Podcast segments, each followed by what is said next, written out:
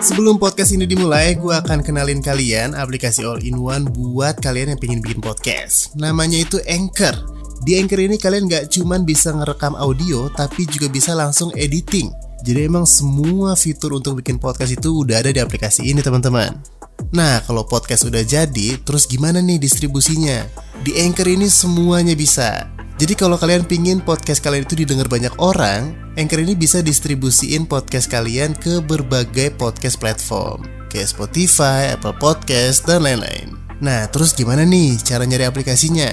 Anchor ini bisa kalian download di App Store ataupun Play Store, atau juga bisa dari website www.anchor.fm. Selamat bikin podcast!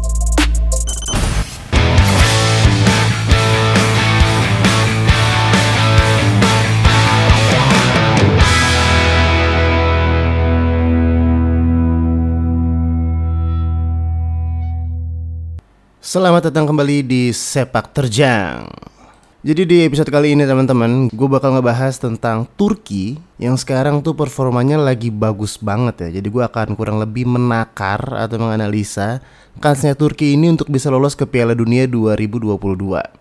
Jadi terakhir ini kan yang paling mengejutkan adalah waktu Turki ini berhasil menang dari Belanda di kualifikasi Piala Dunia 2022 dan uniknya di match itu Turki ini main bisa keren banget gitu padahal mereka tuh secara possession cuma 30-an persen teman-teman.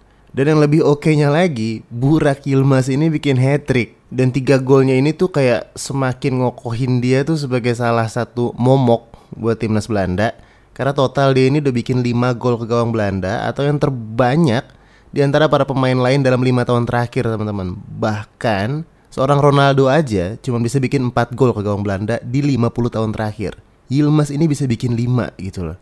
Dan gak cuman itu, tiga golnya Burak Yilmaz ini juga jadi India sebagai pemain pertama setelah pesepak bola Jerman Barat yaitu Klaus Alofs yang bisa golin gawang Belanda tiga kali yaitu di Piala Eropa 1980.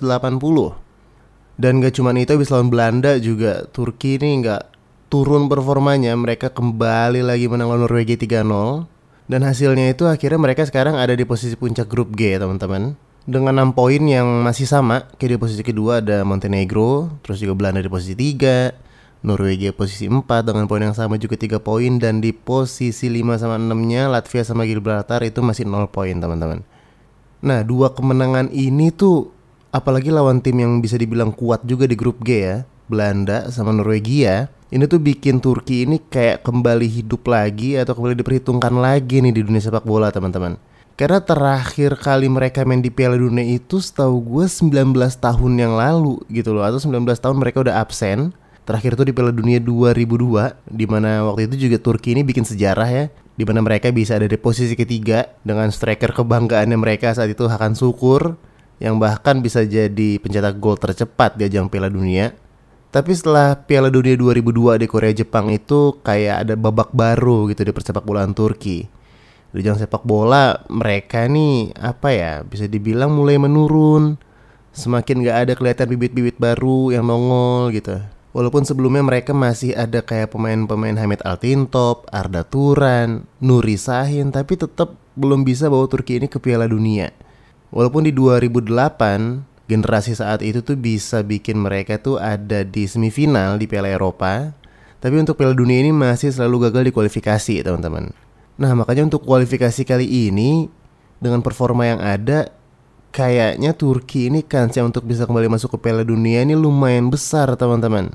Karena pahlawannya Turki di Piala Dunia 2002 yaitu Senul Gunes kali ini juga turun tangan nih buat ngelolosin timnas Turki. Jadi kalau kalian yang belum tahu Gunes ini adalah sosok yang cukup berkarisma yang bisa diperbandingkan dengan Fatih Terim karena selain pencapaian di tahun 2002, pelatih yang sekarang umurnya itu udah 68 tahun udah opa-opa ya. Dia ini juga sukses nih di level klub. Waktu itu dia berhasil bawa Trabzonspor menangin Piala Turki dan lolos ke Liga Champions. Habis itu di Besiktas juga si Gunes ini bisa bikin klub yang biasanya selalu dibayangin dua poli yaitu Fenerbahce dan juga Galatasaray bisa berhasil juara Liga Turki di musim 2015-2016 sama 2016-2017. Nah sampai akhirnya dia ini menjabat di Februari 2019 untuk timnas Turki dan dia akhirnya melakukan sebuah reformasi dari skuad uh, peninggalannya Mircea Lucescu. Jadi penekanannya ini adalah memadukan para pemain muda dengan sosok-sosok senior, macam Hakan Calhanoglu sama Burak Hilmas. Dan Gunes ini juga bisa bikin debut kepada sejumlah pemain baru seperti Ozan Kabak, Ugur Cakir, sampai Orkun Kokcu. Nah hasilnya sejauh ini nih racikannya cukup memuaskan teman-teman. Karena emang di masa bakti keduanya ini Gunes ini udah bisa mainin 22 pertandingan dengan persentasenya itu 54,55%. Walaupun mereka gagal total di UEFA Nations kemarin dengan degradasi ke Liga C, tapi Gunes ini nunjukin progres yang jauh lebih baik dibandingin era Lucescu. Karena emang yang namanya hasil itu pasti butuh proses teman-teman.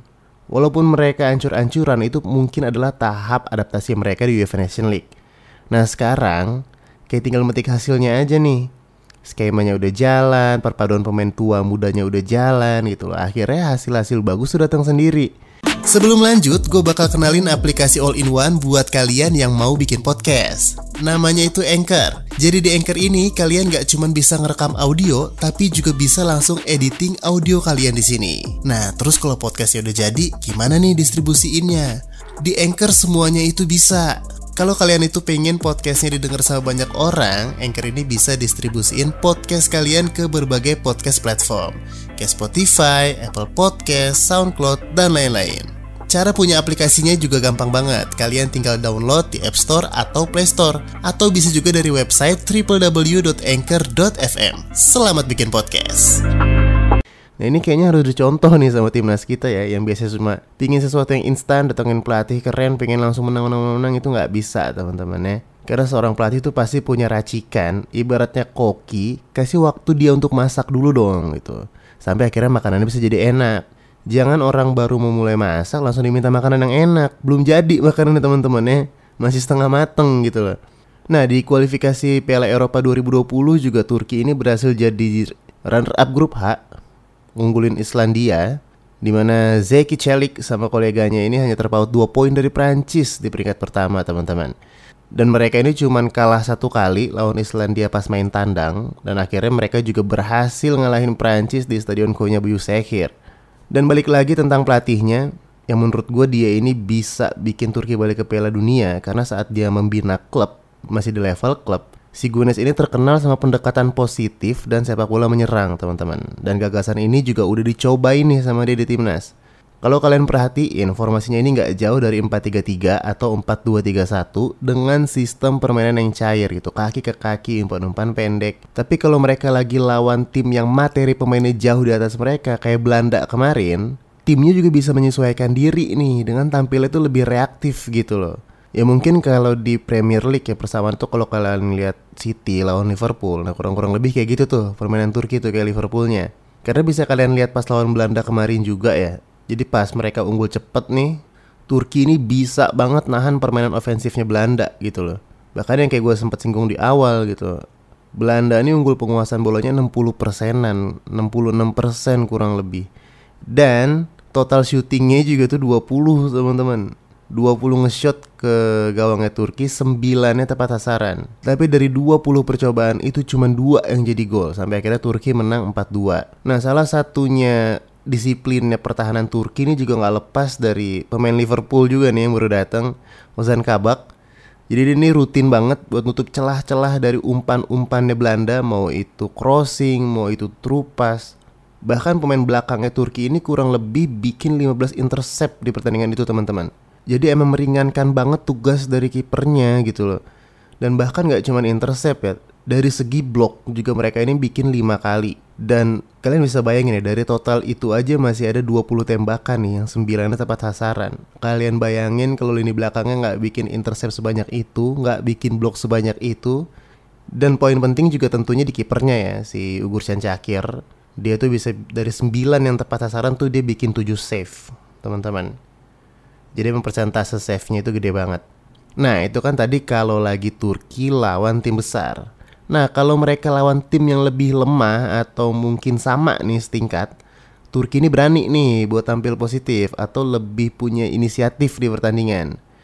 Contohnya kayak misalnya di UEFA Nation League gitu ya, walaupun mereka gagal total kayak gue bilang tadi, mereka ini hampir selalu unggul penguasaan bola dan bikin lebih banyak peluang dibanding lawan teman-teman. Jadi kalahnya kurang lebih di counter, di counter, gitu-gitu aja teman-teman. Jadi emang bagi si pelatihnya si Gunes, kuncinya itu adalah mencari keseimbangan antara struktur dan kebebasan kreatif individu, terutama para penyerangnya nih. Jadi dia emang berupaya memaksimalkan potensi pemain kreatif kayak Hakan Calhanoglu, Yusuf Yazici, sampai Ozan Tofan sambil kasih perlindungan solid ke lini pertahanannya. Karena Turki sendiri juga punya pemain bertahan yang cerdas menurut gue untuk membaca permainan. Mulai dari gelandang bertahannya ini mereka punya Okay Yokuslu, Terus juga di back tengahnya ada pasangan back muda tangguh Ozan Kabak sama Meri Demiral yang bisa bikin Saglar Soyuncu ini lebih tenang gitu loh. Dan dari segi materi juga emang cukup menjanjikan ya untuk untuk saat ini ya. Dengan target misalnya untuk Qatar 2022. Menurut gua materi pemain mereka ini nggak jelek-jelek banget juga. Apalagi di dua pertandingan lawan tim kuat kayak tadi aja Belanda sama Nor Norwegia, mereka bisa menang gitu loh. Norwegia kalian tahu sendiri lah ada pemain mudanya Dortmund tuh Erling Haaland yang lagi keren-keren banget musim ini. Terus juga ada Martin Odegaard. Dan Gunes juga optimis kalau misalnya dia ini bisa bikin Turki balik lagi ke Piala Dunia. Apalagi kalau dilihat kiprah negatifnya gitu ya ancur-ancuran di UEFA Nation League ya kualifikasi Piala Dunia zona Eropa ini emang satu-satunya kesempatan Turki nih untuk lolos untuk ngasih tahu ke seluruh dunia kalau mereka itu punya kekuatan sepak bola yang sangat kuat pada masanya gitu loh. Dan kalau misalnya berhasil, udah dijamin banget Turki ini bakal jadi salah satu kuda hitam yang patut diwaspadain di Qatar 2022 nanti. Kalau menurut kalian gimana teman-teman? Kalau gue ya dari ngeliatin dua pertandingan itu gimana cara mainnya, apalagi profil si pelatihnya ini gue suka banget dengan filosofi yang dia bawa ke timnas. Gue sih optimis kalau Turki ini bisa masuk ke Qatar 2022. Kalau gitu sampai sini dulu analisa gue tentang Turki. Kalau kalian suka podcast ini, dengerin terus sepak terjang di mana pun kapan pun. Oke, sampai ketemu lagi di episode selanjutnya.